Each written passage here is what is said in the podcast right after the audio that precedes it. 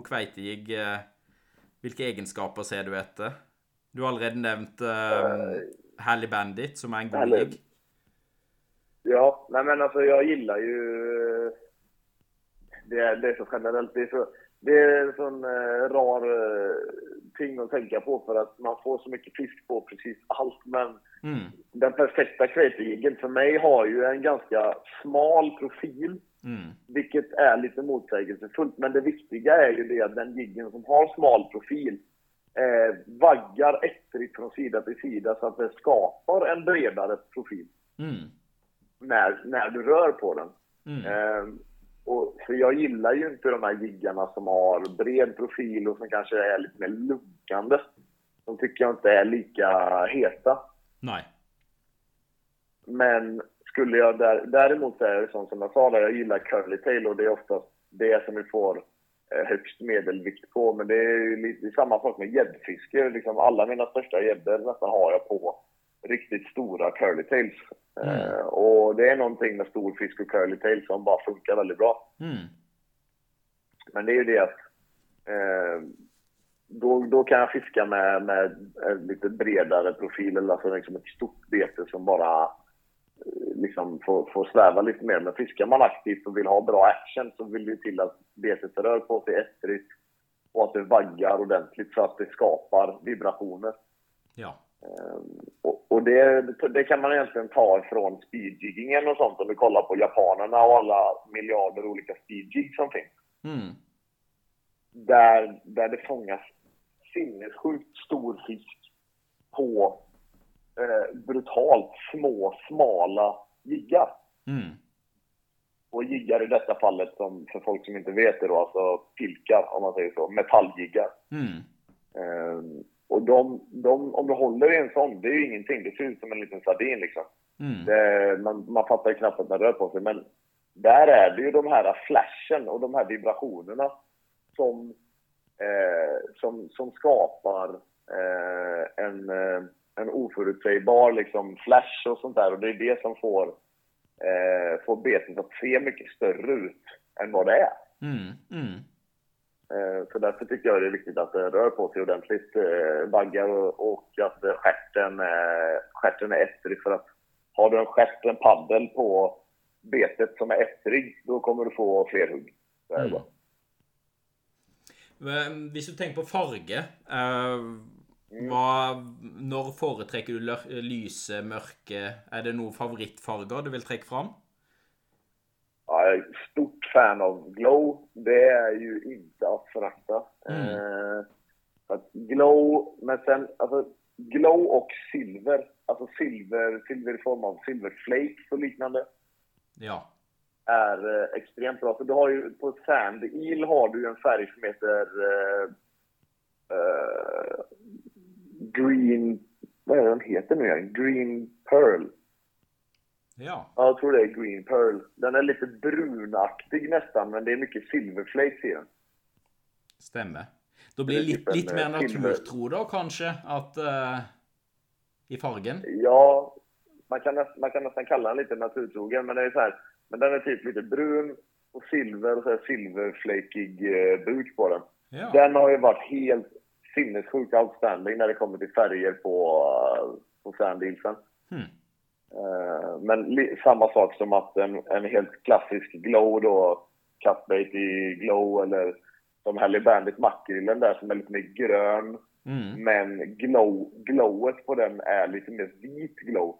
Ja. Istället för det här gulaktiga glowet som är på Savage Gears glow. Så eh, alla de är stora favoriter alltså. Mm. Eh, Du har allerede snak snakka om stingerkrok eller assistkrok. Eh, Kjører du treblekrok eller enkeltkrok? Jag kör alltid enkelkrok. Ja. Eh, och det är ju för att eh, det är lite samma princip som det här med en cirkelkrok. Alltså jag vill ju, jag kör dels så öppnar ju kejsaren munnen åt sidan och inte uppåt. Mm. Ehm, så att flesta gångerna så kommer du kunna kroka fisken i mungipan Mm. med en enkelkrok. Men med en trekrok så är det lite mer risiko liksom i form av att den kan kroka sig lite mer vart som helst i munnen. Ja. Eh, och det, då, det, är, bättre, det är lite bättre att, att kunna eh, mestadels av gångerna eh, tänka liksom att okej, okay, den här fisken sitter bra i mungipan. Och det händer oftare med, eh, med en enkelkrok. Och den ska gärna vara ganska stor. Mm, mm. Men det gör ju också att betet kommer eh, gå lite bättre också än att ha en stor eh, trekrok i bak som också skadar fisken återigen då. Mm. Eh, mycket, mycket mer mm. än bara en enkelkrok i, i mungipan. Och så är det väl kanske viktigt att du sätter eh, assistkroken eller stingerkroken på rätt plats då. Var plejer du att sätta den eh, på jiggen? Jag brukar köra den väldigt basic, bara mitt emellan eh, ryggkroken på jiggen och padden liksom. Så jag vill inte ha den helt bak i padden heller. Nej, det är akkurat samma jag kör. Sån cirka mitt emellan. Ja. Mm. Ja, precis. För jag vill gärna att fisken ska kunna liksom nypa längst bak i padden som man gör många gånger. Mm. Eh, utan att jag krokar den. För jag vill inte kroka den om den inte är tänkt att hugga. För att då kommer den sitta så långt ut. Så att jag kommer dra sönder, eh, den kommer lossna under fighten ändå. För att jag kommer behöva pressa den och så kommer skinnet bara eh, dras sönder mm. liksom. Mm. Mm. Eh, så att det är bättre att ha krokarna för de som lurar på det.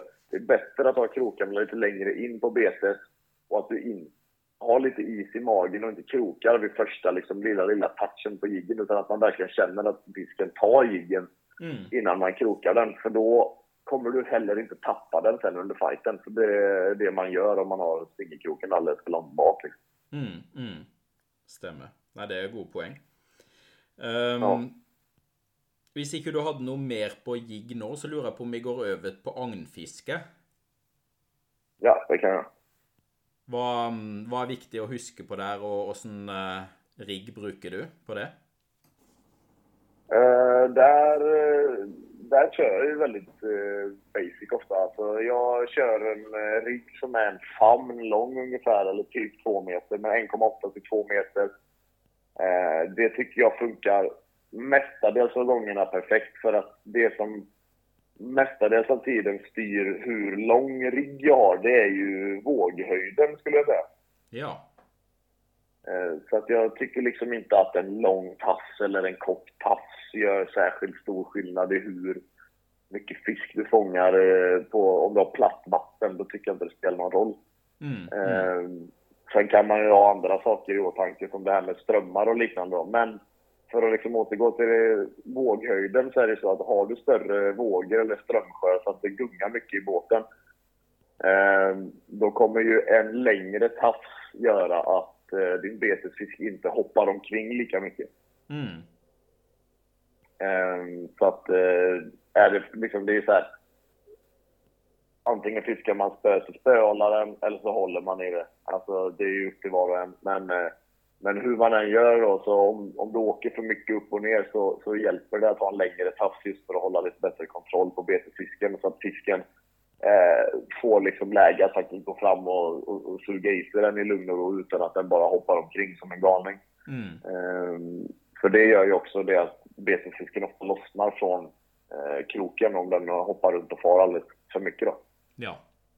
Stämmer. Eh, så att, men sen de här korta tacklarna, alltså, de är inte att förakta att köra riktigt kort tackel. För det kan vara effektivt många gånger att få lite mer bevägelse på jiggen, eller på betesfisken. Mm. Eh, för att få dem att ta den också liksom. Eh, men, men annars så kör jag ju bara liksom en, enkel, en cirkelkrok längst fram och den är oftast en 12-nolla. Mm. Um, och kör du en riktigt, riktigt stor betesfisk så är det såklart bättre att gå upp i störelse på cirkelkroken. Men det viktiga är att hitta en bra cirkelkrok som inte är för grov i godset. Eh, att den får hellre vara lite, lite tunnare för då är det enklare för dig att penetrera klejtan bra med kroken upp i mungipan. För det, det är vissa gånger så kommer du pricka eh, liksom ett käkben eller någonting på klejtan med kroken. Mm. Och då hjälper det dig att ha en eh, lite tunnare eh, krok istället för en drittjock krok. Liksom, för då kommer det kräva mycket mer för att kunna penetrera eh, de hårda delarna i munnen. Då. Mm. Ett, Men annars eh, klassisk Nei, det jeg skulle si var at Et viktig punkt er, jo er vel at hvis du går ned på si 10-0 eller mindre, da, så kan du jo faktisk risikere, hvis du får på en stor kveite, at du ikke får feste da. At kroken blir for Ja. liten. Ja, helt klart. Eh, då kommer du missa... Större chans att du missar de riktigt stora då. Mm. Eh, helt klart. Så att, men eh, nej, jag kör ju ofta 500 gram. Det brukar, alltså som vikt. Det, Ja. det funkar alldeles utmärkt. Eh, på de flesta. Men så går du, går du crazy på storleken på betesfisken så kan det ju vara svinbra att ha 700-800 gram liksom. Det spelar ingen roll. Ja. Et litt artig punkt var at eh, jeg husker når jeg fiska i Havøysund, da var det vel veldig masse sjølysende søkke det gikk i. Vad heter det sa du? S- Selvlysende farge eh, på søkket. Ja. Mens når jeg var i år, da nevnte han at eh, da, de hadde hatt best, eh, best eh, fangst med de, de røde søkkene. Men det kan jo være litt smak og behag, da. Jeg vet ikke om du har noen tanke om det? Ja, nej men det är väl egentligen ingenting som vi har diskuterat sådär jättemycket eh, här uppe innan. Eh, nu, nu fick ju jag min största 221 på eh, det orangea Westin-tänket också då. Så det var ju så här, eh, men, eh, men annars så eh, är det ingenting som jag har fortsatt med utan jag fiskar ju med antingen helt ofärgade blytyngder Ja. Eh, eller som nu då så finns det några svenska killar som gör eh, handgjorda jättefina tyngder. Ja. Som heter TB Callers tror jag de heter. De gör ju de här lite mer ovalform. Vad heter de? är liksom... Hur ska man förklara formen på den här tyngden? Men du vet, den är lite bredare ner till och så, så går den liksom lite som en smal tarm uppåt så att den hänger mer rakt ner. ja. Jeg lurer på om jeg så Var det en sånn du viste i, på YouTube-film? Ja, Ja. precis. Ja, han ser litt annerledes ut enn eh, det der Westin Halibut Anti-Twist Rig sin. Ja, precis. Eh, Så de, de här killarna gör ju sådana nu då, så det är ju jäkligt nice. Så att, eh, jag har käkat några sådana och då eh, airbrush-målar ju de sina tyngder och sånt. Men då hade de de här i, eh, i UV-färger och som hade glow och så hade de rosa glow och sådana grejer. Men eh, de är 500 gram och det är ju de som jag kör 90% av tiden liksom. Ja. ja. Um, hvis du tenker på agnfisk, eh, da er det vel enten makrell, sild eller sei. Er det noe Hvis du tenker både på art og størrelse, hva har du å si om det? Eh, jag vill ju gärna köra sig. Mm. Eh, och det får gärna vara, alltså jag tror optimala sizen för mig är ju typ som, alltså ett och ett halvt till två kilo liksom. Det är väl det som jag tycker är hetast. Men eh, det är ganska crazy på, på liksom storleken om du ska ha ett normalt lyckat craterfiske. För ska du ha ett normalt lyckat craterfiske då bör du gå ner mot ett halvt kilo istället liksom. Mm. Da får du mengder, da, og så får du de mindre kveitene. Ja, alltså har du en mindre betesfisk så kommer du nödvändigtvis inte bara få mindre Nei kveita, da, men du kommer da. ju få... Men eh, kjører du fem kilos eh, Eller tre til fem kilos, da, så luker det jo ofte ut til de aller minste kveitene, tenker jeg. Ja, ja. Ja, men det är ju det. Kör du så stora liksom, då är det så här, om du får ett eh, bite så kommer det vara en gigantisk fisk liksom. ja. Det var den der Jeg hadde jo Jeg mista jo en på ja, Vi hadde den opp til båten, og jeg tippa rundt 1,70, da. Det var en sånn 3-4 kilos agnfisk. Så eh, det har nok en viss, eh, viss funksjon, eh, det der at Du, du luker iallfall ut mange småfisk, da, hvis du er stor agnfisk. Ja, precis. Och det, det, det är därför jag kör det, för att jag har ju... Ja, jag behöver inte få så många hugg liksom. Får jag ett hugg så får den gärna vara precis hur stor som helst liksom. Så- Mm, mm.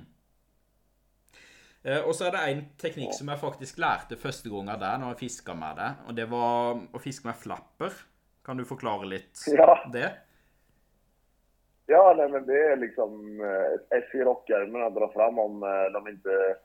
Säg att du har en dag när de kommer fram till betesfisken på ekolodet och kollar på den och sen väljer att inte ta den av någon anledning. Liksom. Och du, du ser det flera gånger så kan det ju vara extremt effektivt att göra en flapper och det enda du gör är ju det att du tar din betesfisk Eh, och filear den på båda sidor om ryggraden och sen så tar du tag i ryggraden och, och, och vrider av den liksom. Mm.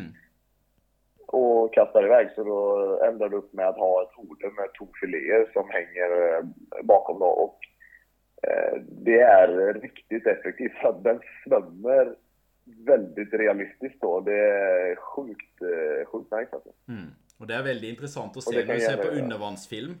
For da ser du veldig forskjell, altså. Hvis du fisker Hvis du ser én vanlig eh, sei som ikke er gjort til flapper, og én flapper, så ser du en Det er veldig stor forskjell i bevegelsen, da. Ja, ja, verkligen. Den simmar ju verkligen hela tiden. Alltså, det är minsta, minsta lilla bevägelse så svämmer den verkligen. Liksom. Så det är sjukt, eh, sjukt. Och Det kan generera många hugg ibland. Han ser, eh, ja, ser nesten levende ut. Ja, absolut. Ehm, når du fisker med agnfisk, så er det jo både lukt og smak. Men eh, når du fisker med jigg, så har du ikke det opprinnelig. Men er det, har du prøvd noe med sånn eh, type kunstig meitemakk eller luktekstrakt eller noe sånne ting? Eller kjører du bare plain jigg? Jag, när jag var yngre tyckte jag det var skitkul att liksom hänga på guldmaskar och såna här ting liksom bak på fingerkroken och, eller liknande. Mm. Eh, Men, och jag, jag tycker, jag är, jag är ju av den tron liksom, eller jag vet ju snarare liksom att Keita många gånger reagerar på lukt liksom. Så att, eh, ja, det var ju väldigt ofta när jag var yngre som jag fick flest Keita eh, i båten då på grund av att jag körde med de här guldmaskarna på kroken. Mm. Eh, och jag, eller jag tror att det är på grund av att jag är på kroken. Sen som sagt idag, hur man jiggar och hur aktivt man fiskar och sånt spelar ju väldigt stor roll också. Men Mm. jag tror ju ändå att eh, du blir ju att det är nästan större chans att den kommer välja din jigg hvis du har eh, lukt på jiggen. Men det är absolut ingenting som spelar någon stor roll om du fiskar efter stor fisk liksom. Nei. Nei. Ehm, nå har vi jo snakka om en del jigging og sånt, eh, men du har vært borti det. Hender det at du bruker haspelutstyr? Og hvis du gjør det, åssen utstyr og jigger og hva, hva går det ut på? Nej, men som, alltså kastfisket är ju det som har gjort att vi har kunnat öka mängdfisket på kveitefisk på, på alltså brutalt mycket. Eh, när, när spinnfisket är on fire liksom, så, så kan du fånga så brutalt mycket fisk på det. Så det är ju egentligen därför vi kör det, för det är sjukt kul. Mm. Eh, och det får ju det får väldigt många gäddfiskare till att lyfta ögonen för det här fisket också, som kanske inte tycker att det är så lockande att fiska så som vi gör efter kveita då. Mm. Eh, Men att sen eh, tänk, tänka på att du kan ta med dig din gäddstang till exempel om du vill det och fånga en fisk på över 50 kilo på spinnfiske. Det är brutalt häftigt alltså, på grundvatten. Eh, Så att, men annars så kör vi ju haspelrulle. Dels så att du kommer kunna kasta mycket längre och fiska lite effektivare med, med en större haspelrulle än vad du gör med en, en, en multirulle. För du kommer inte kunna finns liksom ingen bra stor multirulle med den eh, utväxlingen för att kunna fiska, eh, fiska så bra som vi gör med, med haspelrullarna. Mm.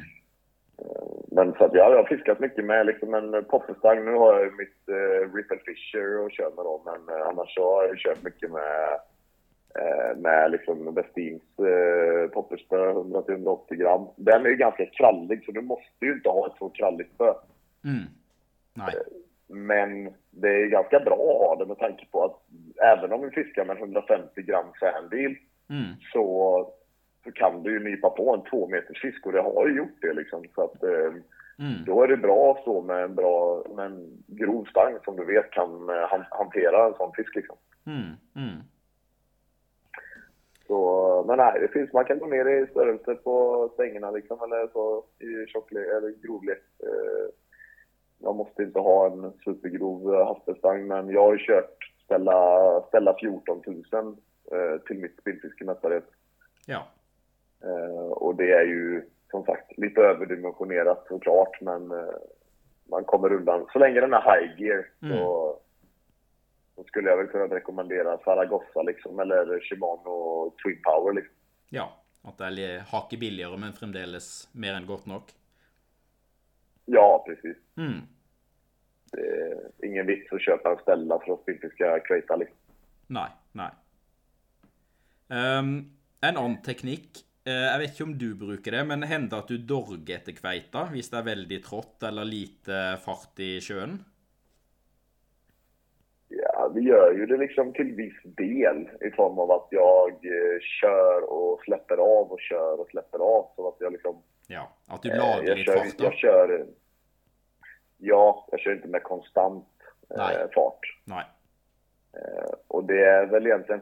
Alltså du kan göra det också om du har en ting för det, men liksom, det är väldigt effektivt på stillastående vatten att köra och släppa av för att du får ett, ett väldigt, väldigt eh, effektivt lyft på betena. Mm. Eh, och det är samma princip som att det är väldigt effektivt att spinnfiska då. Mm. Eh, för att när jag kör då så kanske jag kör upp till en och en halv knop eller ibland två knop eller mer. Och sen slår av växel så att jag stannar med båten och betena kommer då sakta, sakta sjunka tillbaks mot botten. För när jag kör så kommer de stiga upp många meter från botten. Mm. Eh, Och i det lyftet och det sjunket med betena där så får vi extremt många hugg på grund av det. Och gärna ofta när betena precis börjar närma sig den här zonen som jag snackade om innan då, ner mot två meter över botten igen liksom. Mm. Mm. Så är det väldigt ofta de kommer upp och bara nyper betena där då. Eller precis när man börjar köra och de stiger upp från botten. Stemmer. Stilig. Så att eh, det, det gör vi ju. Mm, mm. Nå har vi gått igjennom en del eh, utstyr. Så jeg tenker, Vi har jo vært litt innom det, men med teknikk så har vi jo vært innom dette trappetrinnfisket. Altså at en jobber seg oppover noen meter, og så gjerne enten slipper rett ned til bunn, eller gå- går gradvis ned til bunn igjen. Er det andre ting du vil trekke fram med teknikk etter, på kveitfiske? Ja, det kan man väl eh, definitivt göra. Det är väl det här, eh, två stycken saker utan att gå in för mycket på det då. Liksom, till exempel att eh, visst man har svårt att få dem att hugga, att konstant stå och veva 10-15 meter och släppa till botten och konstant stå och veva 10-15 meter och släppa till botten. Det är super, super effektivt ibland för att få dem att eh, klippa betena. För att eh, många gånger så är det så att folk blir för statiska med betena. Liksom att det, det händer liksom ingenting där nere. Och har du inte huggt på fyra timmar och du fortsätter att göra samma grej så kommer du antagligen inte eh, få något bättre resultat. Visst det inte händer någonting då, att du träffar rätt ström och att fisken blir väldigt aktiv. aktiv liksom. Stemmer. Ehm, och sen är det ju det andra då, det är att eh, vad, om man ska kalla det någonting så kallar jag det för att ruska i spöet snarare än att rycka. Mm. Och, och det är ju det att göra små ettriga eh, stötar i stangen för att få för att få betet att vibrera mer liksom. Eh, och det är ju väldigt effektivt när fisken ligger nära betet och står och kollar på det. Mm. Mm. Eh, Så of, of, ofta om jag ser en fisk komma upp på ekolodet mot jiggen, då gör jag ingenting. Då håller jag helt still för att fisken kommer fortsätta till jiggen oavsett om jag rycker eller inte. Mm. Och det enda som, många gånger om du rycker för mycket när fisken redan har sett betet och bestämt sig för att komma upp till, om du står och rycker stora ryck då, då kommer fisken antagligen simma därifrån många gånger. Ja. Eh, och då så väntar jag väl egentligen bara tills fisken kommer nära betet och när jag ser att fisken ligger precis under och inte tar så gör jag tre, fyra, fem snabba stötar i stangen. Pang, pang, pang, pang, pang. Mm. Håller helt still och det är oftast det som gör att de eh, eh, suger i sig den för då blir de ju väldigt triggade. Så det är ju väldigt bra att göra så. Mm, mm. Det var et godt tips.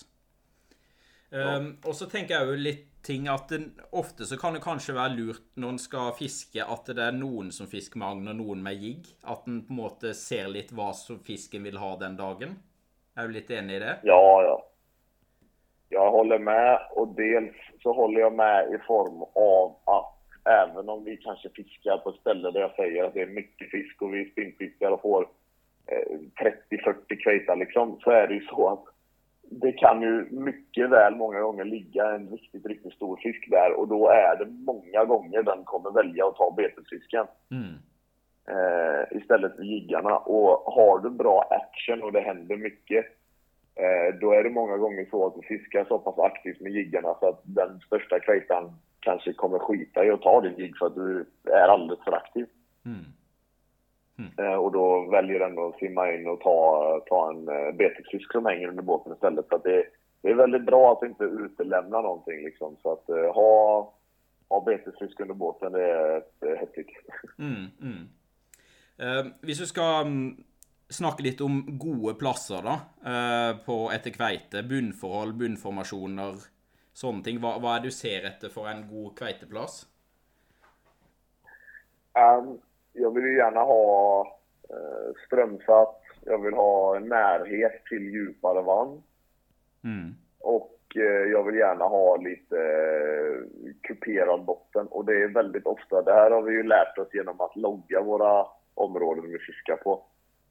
Eh, det är ju det att mellan strukturerna på de här platta bottnarna som man kanske ofta, alltså det är väldigt ofta tråkiga ställen på GPSen du kollar på som så här inte ser så eh, lockande ut. Mm. Eh, när vi har mappat upp de spotten och man kanske har hittat någonting, då är det så här att fisken vi fångar på de här platta områdena, de står oftast kring någon form av eh, struktur. De står aldrig på ett random platt ställe där det inte finns någonting. Mm. Mm. Så, liksom, jag vill ju gärna ha många olika typer av kanter och sånt att träffa på en drift. Och det måste inte vara gigantiska klippavsatser och liksom djupkanter där det blir 20 meter djupare. Det räcker att det är 2-3 meters skillnad på botten liksom. Ja, stämmer. Och det går upp och ner så att... eh, Men eh, lite blandad botten, alltså le- leta inte bara efter sandbottnar utan eh, vi fiskar ju uppe på, på berg, bergbotten liksom. eh, Och det är ju runt, runt de här bergstrukturerna som kveiten kommer, kommer stå. Mm, mm. Hm. Eh, også et annet òg som eh, du sikkert kan snakke veldig masse om, men ehm, når, når er det best å fiske kveite? Da tipper jeg at både tidspunkt, kanskje flo og fjøre, lysforhold, månefase har du allerede vært inne på. Det, det er mange ting som spiller inn. Ja, eh, det är väldigt många ting som spelar in. Men eh, det som jag eh, har märkt, det är väl två, tre dagar efter nymåne. Det är ju sinnessjukt hett alltså. Ja. Och även efter fullmånen. Det är många gånger vi kanske har haft väldigt segt fiske de första, segt fiske de här tre, fyra dagarna innan en fullmåne och under fullmånen. Mm, mm.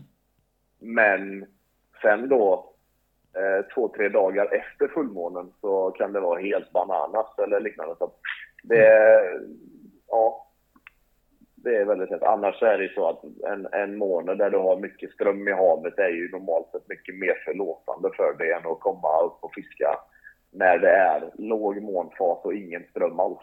Ja, ja. Det, är, det kan vara väldigt frustrerande för att då kommer du inte kunna söka av områdena lika effektivt. Liksom. Mm, mm. Stemmer. Nei, men det var eh, gode tips. Um,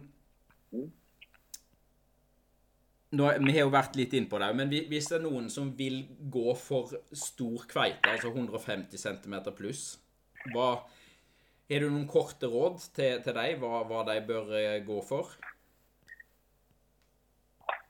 Vad sa du, om jag har något tips för det? Ja, noen tips til de som vil prøve å få en uh, storkveite, da? Ja, alltså har man fiskat, framförallt, det brukar jag säga till folk som har varit uppe och fiskat mycket förr. Eh, och så säger de det, men jag gör min fjärde resa nu liksom, och min dröm är att få en 150-plussare. Mm. Då, då är, alltså är det så enkelt att det är ditt mål med resan, då ska du fiska betesfisk hela tiden. För att Mm. då, då, det är så extremt mycket effektivare för att få kontakt med eh, de stora fiskarna. Mm. Eh, Sen eh, fångar vi väldigt mycket stor fisk på jigg också, men just att om du drömmer om att vara den personen i din båt som fångar en 150-plussare, Mm. så kör du med en bra storlek som är över ett halvt kilo, gärna runt ett kilo på betesfisken. Och sen så kör du med den. Mm. Så att du, då kommer du ha en väsentligt mycket större chans att få kontakt med din drömfisk istället för om du hade stått och jiggat. Mm. Eh, men du kommer säkerligen inte få lika många som polarna bredvid som står och jiggar då. Mm, mm. Nej, det är nog ett eh, gott, gott tips. Det är det. Och sen så ligg inte och släpa på botten. Mm. Ligg över botten. Fisken vill komma in och välja att gå upp mot betet och ta det. det eh, ligger man och släpar på botten, du kommer få så otroligt mycket mindre fisk. Och, eh, nej, det, gärna exponera betet från botten. Det är väldigt viktigt för mig. Mm, mm. Uh, vi snakka litt før uh, vi begynte å ta opptak, så snakka vi litt om catch and release. kunne du bare fortalt ja. kort litt hva, hvordan dere sikrer kveita, hvordan dere måler litt hva dine tanker om catch and release er på kveite? Ja, för det första, i Nordic Sea-angling när man reser med oss så har vi våra eh, förhållningsregler till våra gäster. Och det är ju det att vi inte eh, lyfter in fiskar som är över 130 cm i båten om eh, man inte måste på en fisk som är något över. Men liksom de stora, de stora fiskarna håller vi utanför båten när vi mäter dem. Mm. Eh, men för att göra en bra landning så att du kan återutsätta en kveita som, som du ska släppa tillbaka så, så är det ju väldigt viktigt att du, eh, att du inte förhastar dig när du sätter kroken i munnen på den utan att du är noggrann och tar kroken eh, igenom underkäken på den ut genom skinnet eh, innanför käkbenet. Um, och det viktigaste är ju att dra igenom kroken så att uh, repet uh, går genom uh, underkäken. Då. För att när du har gjort det, dels så kan du hålla kontroll på fisken och inte liksom spänna upp repet för att det är då folk skadar fiskarna. Det är när du sätter kroken i munnen mm.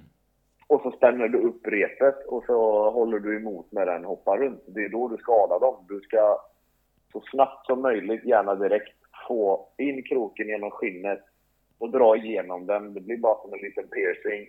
Och sen då kan du avslappnat följa efter fisken när den hoppar runt i båtkanten istället för att dra i repet. För det gör ingen skillnad. Du skadar bara fisken då liksom. Det är bara ge han några sekunder så att han kan hoppa runt en stund över båten, följa med och inte dra i den. Mm. Så kommer den må hur bra som helst efteråt sen. Um, och det är ju så att uh, detta har ju bevisligen funkat extremt bra i form av att de överlever detta. Uh, och där har jag fått bevisat för mig så många gånger. när vi har fångat kveita som jag ser mycket, mycket tydligt har varit fångade av sportfiskare för. Mm.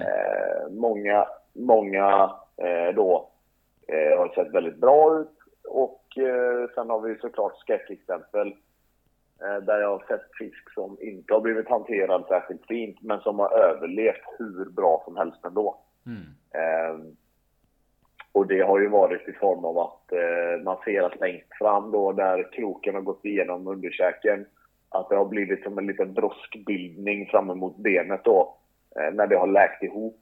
Mm. Eh, och så har, det, så har det inte varit några konstigheter. Men sen har jag ju även fått fisk där eh, det har hänt en gång faktiskt. Eh, men det var en fisk på 155 centimeter.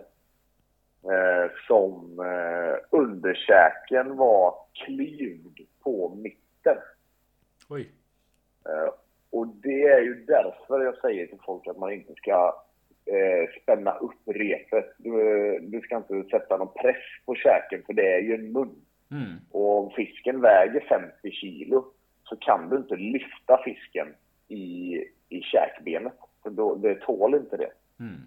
Eh, och ofta så skadar ju folk fiskarna genom att de använder en vanlig huggkrok och sätter i munnen på dem. Och då har du en styv arm och då kommer de kunna vrida sönder sin mun. Så att den här fisken som jag snackade om, den, eh, den tog min betesfisk och fightade hur hårt som helst och allting. Och, och inga konstigheter. Det var super... Eh, super eh, liksom. Men när den kom upp till båtkanten så hade den en klyvd underkäke. Så jag visste inte riktigt hur jag skulle kunna landa den. Men jag lyckades få in kroken genom skinnet lite lätt så liksom. Och så, så rörde han inte en fena.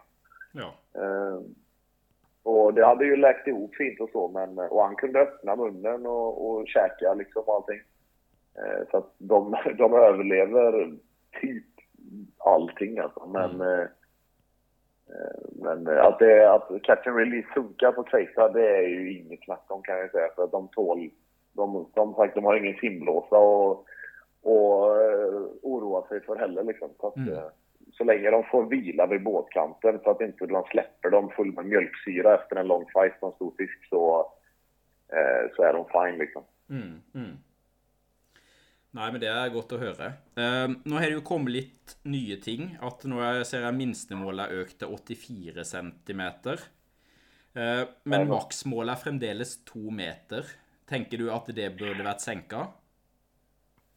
Ja, minimimåttet där tycker jag är superbra. De höjde till 84. Det är mm. superbra att ändra detta. Det är, om du kollar på eh, eh, vann, eller inte put take, men om du kollar på eh, till exempel sjöar som har gös, eh, mm. där du har kanske ett fönsteruttag och det är örret och sånt där, du har fönsteruttag, minimi och maximum size, så kan det vara bra efter en lång tid att ändra det fönsteruttaget eh, för att inte det ska bli en, för att inte fisken ska ändra sig evolutionärt då liksom ut efter fisken som tas upp. Mm. Men just maximisajten där på två meter, så här, så här resonerar jag. Och det är så här att för det första så tycker jag det är väldigt, väldigt konstigt att vi sportfiskare ska ha samma regler som yrkesfiskare. Mm. För att jag, jag syns ju att vi sportfiskare kunde haft ett eget, äh, ett eget maximimål mm. som gärna får vara 130. Mm. För det är ju en fin ting med... Ja. Ja, men exakt. Det är, alltså, en, en sportfiskare tycker jag inte ska få ta något annat än en krejta mellan 84 och 130. Mm. Du ska inte få lov att komma in och ta en större än det. Mm. För det tycker jag är konstigt. Men eh, sen att yrkesfiskarna får ha kvar sin eh, maximisize på 2 meter, det är egentligen lägger jag inte så stor värde i. Men det hade ju varit väldigt bra om den kunde sänkas såklart. Mm. Eh, men men som man ser så bryr sig inte yrkesfiskarna så jättemycket om att eh, det är maximisize på 2 meter egentligen ändå. Nej. Nei, og jeg tenker for, för oss sportsfiskere så er det så veldig mange grunner til at du ikke trenger å ta stor kveite inn. da. Det er jo eh, både viktig for bestanden, og det, det, blir jo ikke samme kvaliteten på kjøttet. Og det, det, ja, det er veldig mange grunner da, til å ikke ta storkveita og heller slippe den ut igjen. Ja, precis. Så, um, så där syns jag... Får gärna, den, ja. Nej, men den får gärna sänkas. Alltså, som de, de skrev ju nu nyligen att eh, ett mål hade ju varit att få ner den till 180, men gärna ännu mindre. Och det hade ju varit ett eh, steg i rätt riktning, liksom, för att mm. det finns alldeles för lite, eller för dåliga förhållningsregler till eh. Liksom. Mm, mm. Så, um, ja. Nej, men det kan du håpe at det går rett vei etter hvert, iallfall. Jajamän. Um, en siste liten ting om kveite var at um, når jeg kikka og gjorde litt research til episoden, så så jeg en video du hadde lagt ut, der det var ei som tok ei kveite på grunt vann, der du faktisk så fisken ta. Vil du fortelle kjapt ja. om det? Ja, det var eh, Dels var det nu i våras då, liksom när det var kallt i vattnet. Så det hade inte blivit någon algblomning än, för då har vi ännu klarare vatten än vad vi har i normala fall. Eh, men vi, vi såg en kveita, vi låg och fiskade grunt där inne för att eh, kikfiska kveita liksom. Så vi, det var ju därför jag gick in på det här stället då. Mm. Um, men så såg vi en kveita komma simmande från långt, långt, långt avstånd bara. Vi såg den långt bort börja simma mot oss. Uh, och så kommer den in, Eh, och så fort den närmade sig så var det ju som att kolla ner igenom ett, eh, ett fönster. Så jag tog fram mobilen och filmade rakt ner liksom. Eh, mm. Och då såg man ju hela händelsen väldigt tydligt. Och den gick ju fram och tillbaks på, på ett par jiggar där liksom. Och sen så valde den att klippa min gäst Fannys jigg där. Och det var, det var ju en, det är ju en jävligt cool upplevelse liksom. Som, det, det är inte varje dag man har chansen att ligga och kikfiska på det sättet med perfekta förutsättningar. Så att är det lite, lite krusning på vattnet så ser du liksom inte eh, så bra. Nej, det var väldigt rått att, att se Kölau. När du ser så ja, tydligt. Och det var ju en, eh, ja, och det var ju en 135 liksom, så det var ju en bra fisk också. Liksom. Ja, artig. Nej, och så, den upplevelsen ja. sitter nog i, i länge för, eh, för hon som tog den i alla fall. Ja, ja, ja, verkligen. Alltså det var, ja, det var ju hennes PB också för övrigt. Att hon var ju i eld och lågor. Alltså det var riktigt, riktigt kul. Artig, artig. Ikke, Er det noen andre ting du vil nevne om kveitefiske, eller føler du at vi gått igjennom bra? Nej, jag följer att eh, vi, har fått med, vi har fått med de väsentliga delarna som jag tror de flesta eh, lurar på liksom, hvis man har mycket funderingar kring kräftfiske. För att det är ju ett väldigt komplext fiske liksom. Eh, man kan ju vända och vrida på det hur mycket som helst. Så att, eh, nej, jag tror, eh, jag tror vi har fått med det som är bra. Mm, så bra. Og nå ser jeg vi har passert to og en halv time, så, men jeg tror ikke vi kan komme helt utenom tropisk fiske. Men vi må kanskje ta det litt kjappere, da. Men har du, vil du litt kort forklare litt om, om fisket ditt, och kanske lite om eh, tropical sea angling òg? Ja, men precis. För det är ju det är mitt jobb på vintern till, alltså, till viss del. Det är ju det att eh, boka upp gäster på tropiska resor och då har vi olika destinationer på Tropical Sea Angling som är, det är ju Nordic Sea Angling och Tropical Sea Angling, det är ju samma företag då om man säger så. Mm. Ehm, och eh, nej, egentligen erbjuder det sådana riktiga eh, tropiska fiskeresor till Madagaskar och till Andamanerna eh, bland annat. Och vi har lite andra destinationer som Panama. Eh, vi har varierat lite. Vi har haft fler. Vi har tagit bort någon och vi lägger till någon. Eh, men så där är det ju så att eh, vi drar ner och fiskar ja, popperfiske efter GT och olika typer av eh, eh, tropiska fiskar som Dogtooth Tuna och GT är ju egentligen de två som de flesta är intresserade av att fiska efter på de här resorna. Eh, Panama har ju lite andra coola arter som Fibera, Snapper och Roosterfish som är lite såhär goals to catch. Mm. Men eh, på samtliga destinationer så har man ju chans att komma i kontakt med både Sailfish och Marlin. Som är eh, riktigt coolt då. Mm. Och säsongen ändrar ju sig lite över vintern där. Så att eh, vårfisket är framåt februari-mars. Det lite mer yellowfin tuna och grejer. Så att, Mm. eh, det, är, det är coolt. Då. Så har vi någon jigging-destination. Som till exempel, det är ju egentligen min absoluta favoritresa. Det är till Hawkins Bank utanför Rodriguez. Eh, Mm. Rodriguez är en ö som ligger utanför eh, Mauritius. Ja. Eh, och där kör vi ju hardcore eh, speedjigging på eh, efter stora dogtooth eh, tuna då. For der, tror jeg, der må du nesten fortelle litt. Du begynte jo litt å fortelle om Dogtooth Tuna. Men hvis du teller Det har vært kjekt å høre litt grann, da, ifra eh, Hawkins Bank. Ja, alltså för det första så den Hawkins Bank då, som vi fiskar på, det är en 20 landmil stor bank som ligger utanför eh, Rodriguez. Mm. Och han, kaptenen vi åker med, han är den enda båten som fiskar här ute och allt yrkesfiske är ju förbjudet i det här området för det är ju sjukligt mycket fisk där ute. Mm. Ehm, och eh, när vi är på det här spottet då så är det ju chans att fånga en sinnessjukt stor doggy liksom i varje dropp. Så man har ju ett adrenalinrus som är till taket varje gång man släpper ner. Mm. Ehm, och eh, just doggisen är ju liksom en av de starkaste fiskarna i världen. Liksom. Där är ju där, där kan du bli spolad liksom, om, du, om du krokar en stor fisk. Så starka är de liksom.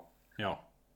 Ehm, och de är ju brutalt snabba. Så att, men när vi är där ute så har vi ju varje gång egentligen fångat stora doggis. Och eh, sista resan, den senaste resan jag gjorde nu i november, då fick vi äntligen kontakt med de här riktigt stora då. Så att eh, då var det först, först så small ju jag av mitt OBX 400 speedjiggingspö på mitten. Och för de som inte vet vad OBX 400 är så är det ett ganska kralligt eh, speedjiggingspö. Mm. Ehm, och det rök ju på mitten av en riktigt stor fisk i form av att den gick lite snett in under båten och det var lite grova vågor och jag hade lite för mycket press eh, i början där liksom och då small, small det. Men sen så tog det en liten stund så fick ju min gäst en doggy på 70 kilo. Sjukt. Och när vi fick se den fisken så flippade vi liksom för då var det ju liksom äntligen, det var ju den, den fisken man kommer dit för liksom. Mm. Eh, och så eh, ja, kör började vi på sen släppet efter att han hade fått den så är vi uppe på samma topp igen och då får jag en på 60 kilo. Så att, alltså den, den fisken betydde ju typ lika mycket som min eh, 221 cm fluddra liksom. Mm, mm. Ja, det är en virkelig drömfisk. Ja, där, då fällde jag faktiskt en tår när vi landade den. För att det var, jag trodde liksom inte det skulle hända. Nej, men det, det får fram födelser det. ja. Så, så att, eh, nej. Nej, men detta här är, är man liksom intresserad av att göra en sån resa så, så uh, kör ju vi de koncepterna i form av att vi hänger med som reseledare liksom. Så att vi sköter ju liksom alla bitar med flyg och sånt och gör de här resorna väldigt lättillgängliga för folk som kanske inte har eh, kanske vill göra en sån resa men de inte vet hur man ska genomföra det eller de vet inte vem man ska kontakta och sånt där. Så att, mm. eh, där, kan, där hjälper vi ju till så att man an, liksom får tag i rätt utrustning som vi säljer i våran shop och allting så att allting är väldigt lättillgängligt och eh, Eh, och resorna är alltid bra uppstyrda med bra service på hotellerna vi bor på eller, eller mm. samarbetspartnerna. Så att det, det är eh, väldigt lättillgängligt eh, om man inte har liksom, gjort det innan. Stämmer. Nej, men det hörs väldigt bra ut. Men mm. hvis det är någon som enten är intresserad i fiske i Nord-Norge med Nordic Sea Angling eller i utlandet med Tropical Sea Angling, var finner de info om det? Eh, på vår hemsida nordicseaangling.se så hittar du all info om eh, Norge och våra olika kamper där du kan eh, kolla bokningsläget med hur mycket båtar som är lediga på de olika veckorna på alla våra fyra kamper. Och du kan kontakta kontoret via telefon eller mail som du finner på hemsidan. Mm. Det går också bra att skriva direkt till oss på Facebook Eh, eller på Instagram för den delen också. Där du mm. finner oss på Nordic Sea Angling. Mm. Eh, och sen går du in på hemsidan Nordic Sea Angling så kan du klicka dig vidare till Tropical Sea Angling och då får du upp en liknande sida för våra tropiska destinationer. Ja, stämmer. Och då Nej, kan men... du söka och kolla, kolla runt på de olika koncepterna vi har liksom och sådär. Och vad som passar ja. en själv. Nej men det hörs väldigt bra ut. Um... Mm som sagt, det har vært mange turer med Nordic Sea Angling, så det kan absolutt anbefales til hvis det er noen som lurer på det. Så det, det kan jeg gå god for. Uh, nå tror jeg vi avslutter med litt sånn faste spørsmål. Uh, du har jo snakka både drømmefiske i Nord-Norge og i utlandet. Men uh, hvis du hadde ubegrensa med tid og penger, hvor går drømmereisa di? Oh. Nei, den hade jag haft obegränsat med tid och pengar, då hade jag eh, eh, spenderat tid utanför eh, Rodriguez, där jag redan har varit. Och det här är så löjligt liksom. Mm. Men då hade jag spenderat tid där för att få eh, världsrekord på Doggy. Ja. Och det säger ju lite när du på, allerede varit där. ja, och det ska vara på speedjigging då, inte på livebait. Mm, mm. Häftigt. Um, nå blir det jo en del fisking framover, men har du noen andre turer privat denne, detta året som du ser fram till? Eh, detta året nu så har jag faktiskt eh, ingenting eh, privat planerat på när det kommer till fisket utan eh, eh nu sedan vi äger rorburarna som vi har här på kampen i Havsund så kommer det bli eh, lite jobb med dem i vinter. Mm. och börja börja putta upp det ena och det andra liksom på hytterna, lite sådana ting. Eh, så att, eh, nej, det kan hända att det blir en eh, Madagaskarresa eh, eller Andamanenresa efter nyttåret här framåt februari. Men den är inte helt säkrad än. Så att, eh, det blir nog en ganska lugn vinter på den fronten. Kanske hinner fiska lite mer gädda. Ja, ja, ja. Det är inte fel det heller. Så... Nej. Um, vi har jo snakket om ulike typer fiske, men er det Hvis du skal anbefale én type fiske, da, eh, som noen bør eh, oppleve en gang i løpet av livet, hva tenker du da? Ja, det är ju ytvattensfisket i tropikerna, antingen på Andamanerna eller Madagaskar. Eh, mm. Och, och, prova, prova på just för att det är så speciellt. Eh, jag älskar ju speedjiggingen mer än allt annat, men just att prova på det ytvattensfisket med poppers och stickbait. Mm. Eh, efter GT och doggies och allting som smäller uppe på ytan där, alltså det är... Det, är man fiskeintresserad så måste man uppleva det för att det är så, det är så brutalt som det kan bli liksom. Mm, mm. Ja, det. Du blir häktad då alltså.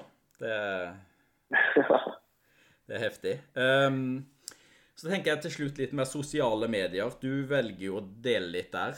Eh, både på Facebook og Instagram og litt YouTube. Eh, hvorfor vil du det? Er det for å spre fiskeglede, eller hva tenker du? Nej, men det är, jag tror det är ur marknadsföringssynpunkt kan man nästan säga, för att pusha för det vi gör och visa, hålla folk uppdaterade. Liksom. Mm. Eh, har väl bara blivit så att eh, dels så tycker jag väl att det är lite kul också liksom att visa vad det är man pysslar med här uppe. Som att man är inte där eh, alla andra är, om man säger så. Vi är ganska långt bort så att lägger man inte ut någonting så, så syns det ju liksom inte. Nei. Nei, det er viktig det Och jag är ju väldigt... eh, Ja, och jag är framförallt så är jag väldigt stolt över det jag gör och det vi gör här uppe. Eh, Mm. Det är ju det, hela mitt liv, hela mitt liv kretsar kring detta och har gjort sedan jag var liten liksom. Så att jag Mm. vill ju framhäva det på bästa möjliga sätt. Mm. Men sen så eh, sköter vi såklart vår marknadsföring eh, via, eh, mycket via Facebook. Instagram ska vi bli bättre. Mm, mm. Men, men privat så, så hamnar det lite i sidan av här nu eftersom att det är lite dels Nordic Sea Angling men även då Marcello Digstar samt eh, annat som Leach då som, som kräver lite tid då kring sådana bitar vid sidan av. Så att eh, mina privata posts de Mm. eh, skall bli bättre framöver i alla fall. Mm, mm. Og så jeg merker iallfall sjøl at det er inspirerende å se på både videoer og bilder, da. Men det, det hender kanskje at du òg blir litt gira av å se på enten eh, filmer eller eh, bilder fra andre storfisker. Ja, ja, absolut. Eh, framförallt, jag är ju film, eh, filmkille alltså. Jag Mm. älskar ju att kunna... Alltså en, en, bild, en bra bild säger ju mer än tusen ord, men en, en bra film alltså, där, där kan man ju få, där får man ju adrenalin. Och jag, jag är ju adrenalin-junkie liksom. Mm, mm. Er det gode, gode tips til hvordan du skal få eh, lage en god, god film, eller få, eh, få det å bli bra? Jag är ju självlärd och har ganska dålig kunskap kring detta egentligen. Eh, Jag, jag går ju på feeling. Jag, jag vet ju vad jag tycker är häftigt med, eh, med fisket och då försöker jag väl bara framhäva det med eh, i, i en film eller liknande liksom. Men det man ska tänka på det är väl det att filma lite runt omkring Mm, och även komma nära inpå. Alltså, Mm. när man filmar så blir ju det så jäkla mycket häftigare när man kommer lite tätt inpå smällarna, skriker tätt inpå ansiktsuttrycken på killarna som fightar och, eller tjejerna. mm, Ehm, och det, det gör mycket för känslan i filmerna. Liksom, så att, eh, men sen är jag ju mycket för dramatisk, eh, dramatisk eller ganska hetsig musik till fighterna liksom, så att jag själv får adrenalin av det. Liksom, så det, det är mm. det då. Ja, men det er gode tips. Um, hvor er det folk kan følge deg i sosiale medier?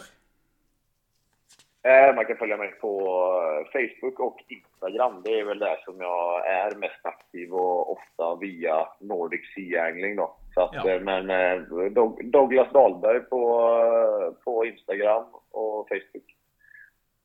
Ja, nei, men super. Skal jeg legge meg en her i beskrivelsen på episoden, så kan folk eh, Ja. klikke seg inn. Ja, men grymt. Som sagt, jag sitter ju och svarar på eh, meldingar från, eh, från folk väldigt ofta. Där, så att, eh, har man funderingar så är det bara att skriva liksom, så svarar jag så fort jag har tid. Mm, så bra.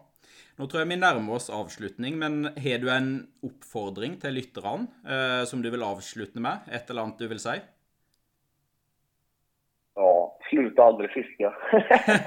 Nei, men det er, det er en fin, fin eh, oppfordring.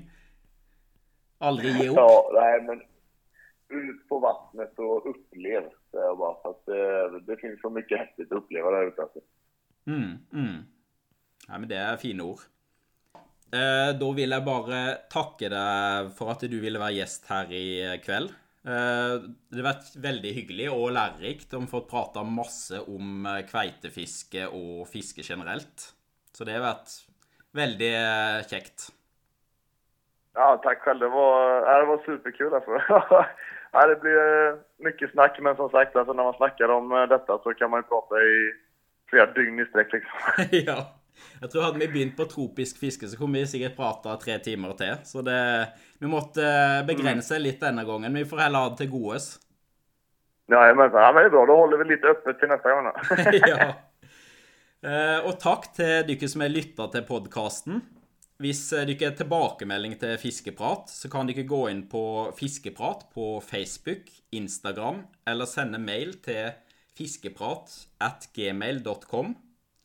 Og hvis du liker podkasten, så er det hyggelig om du vil følge den og anbefale den til andre. Skitt fiske.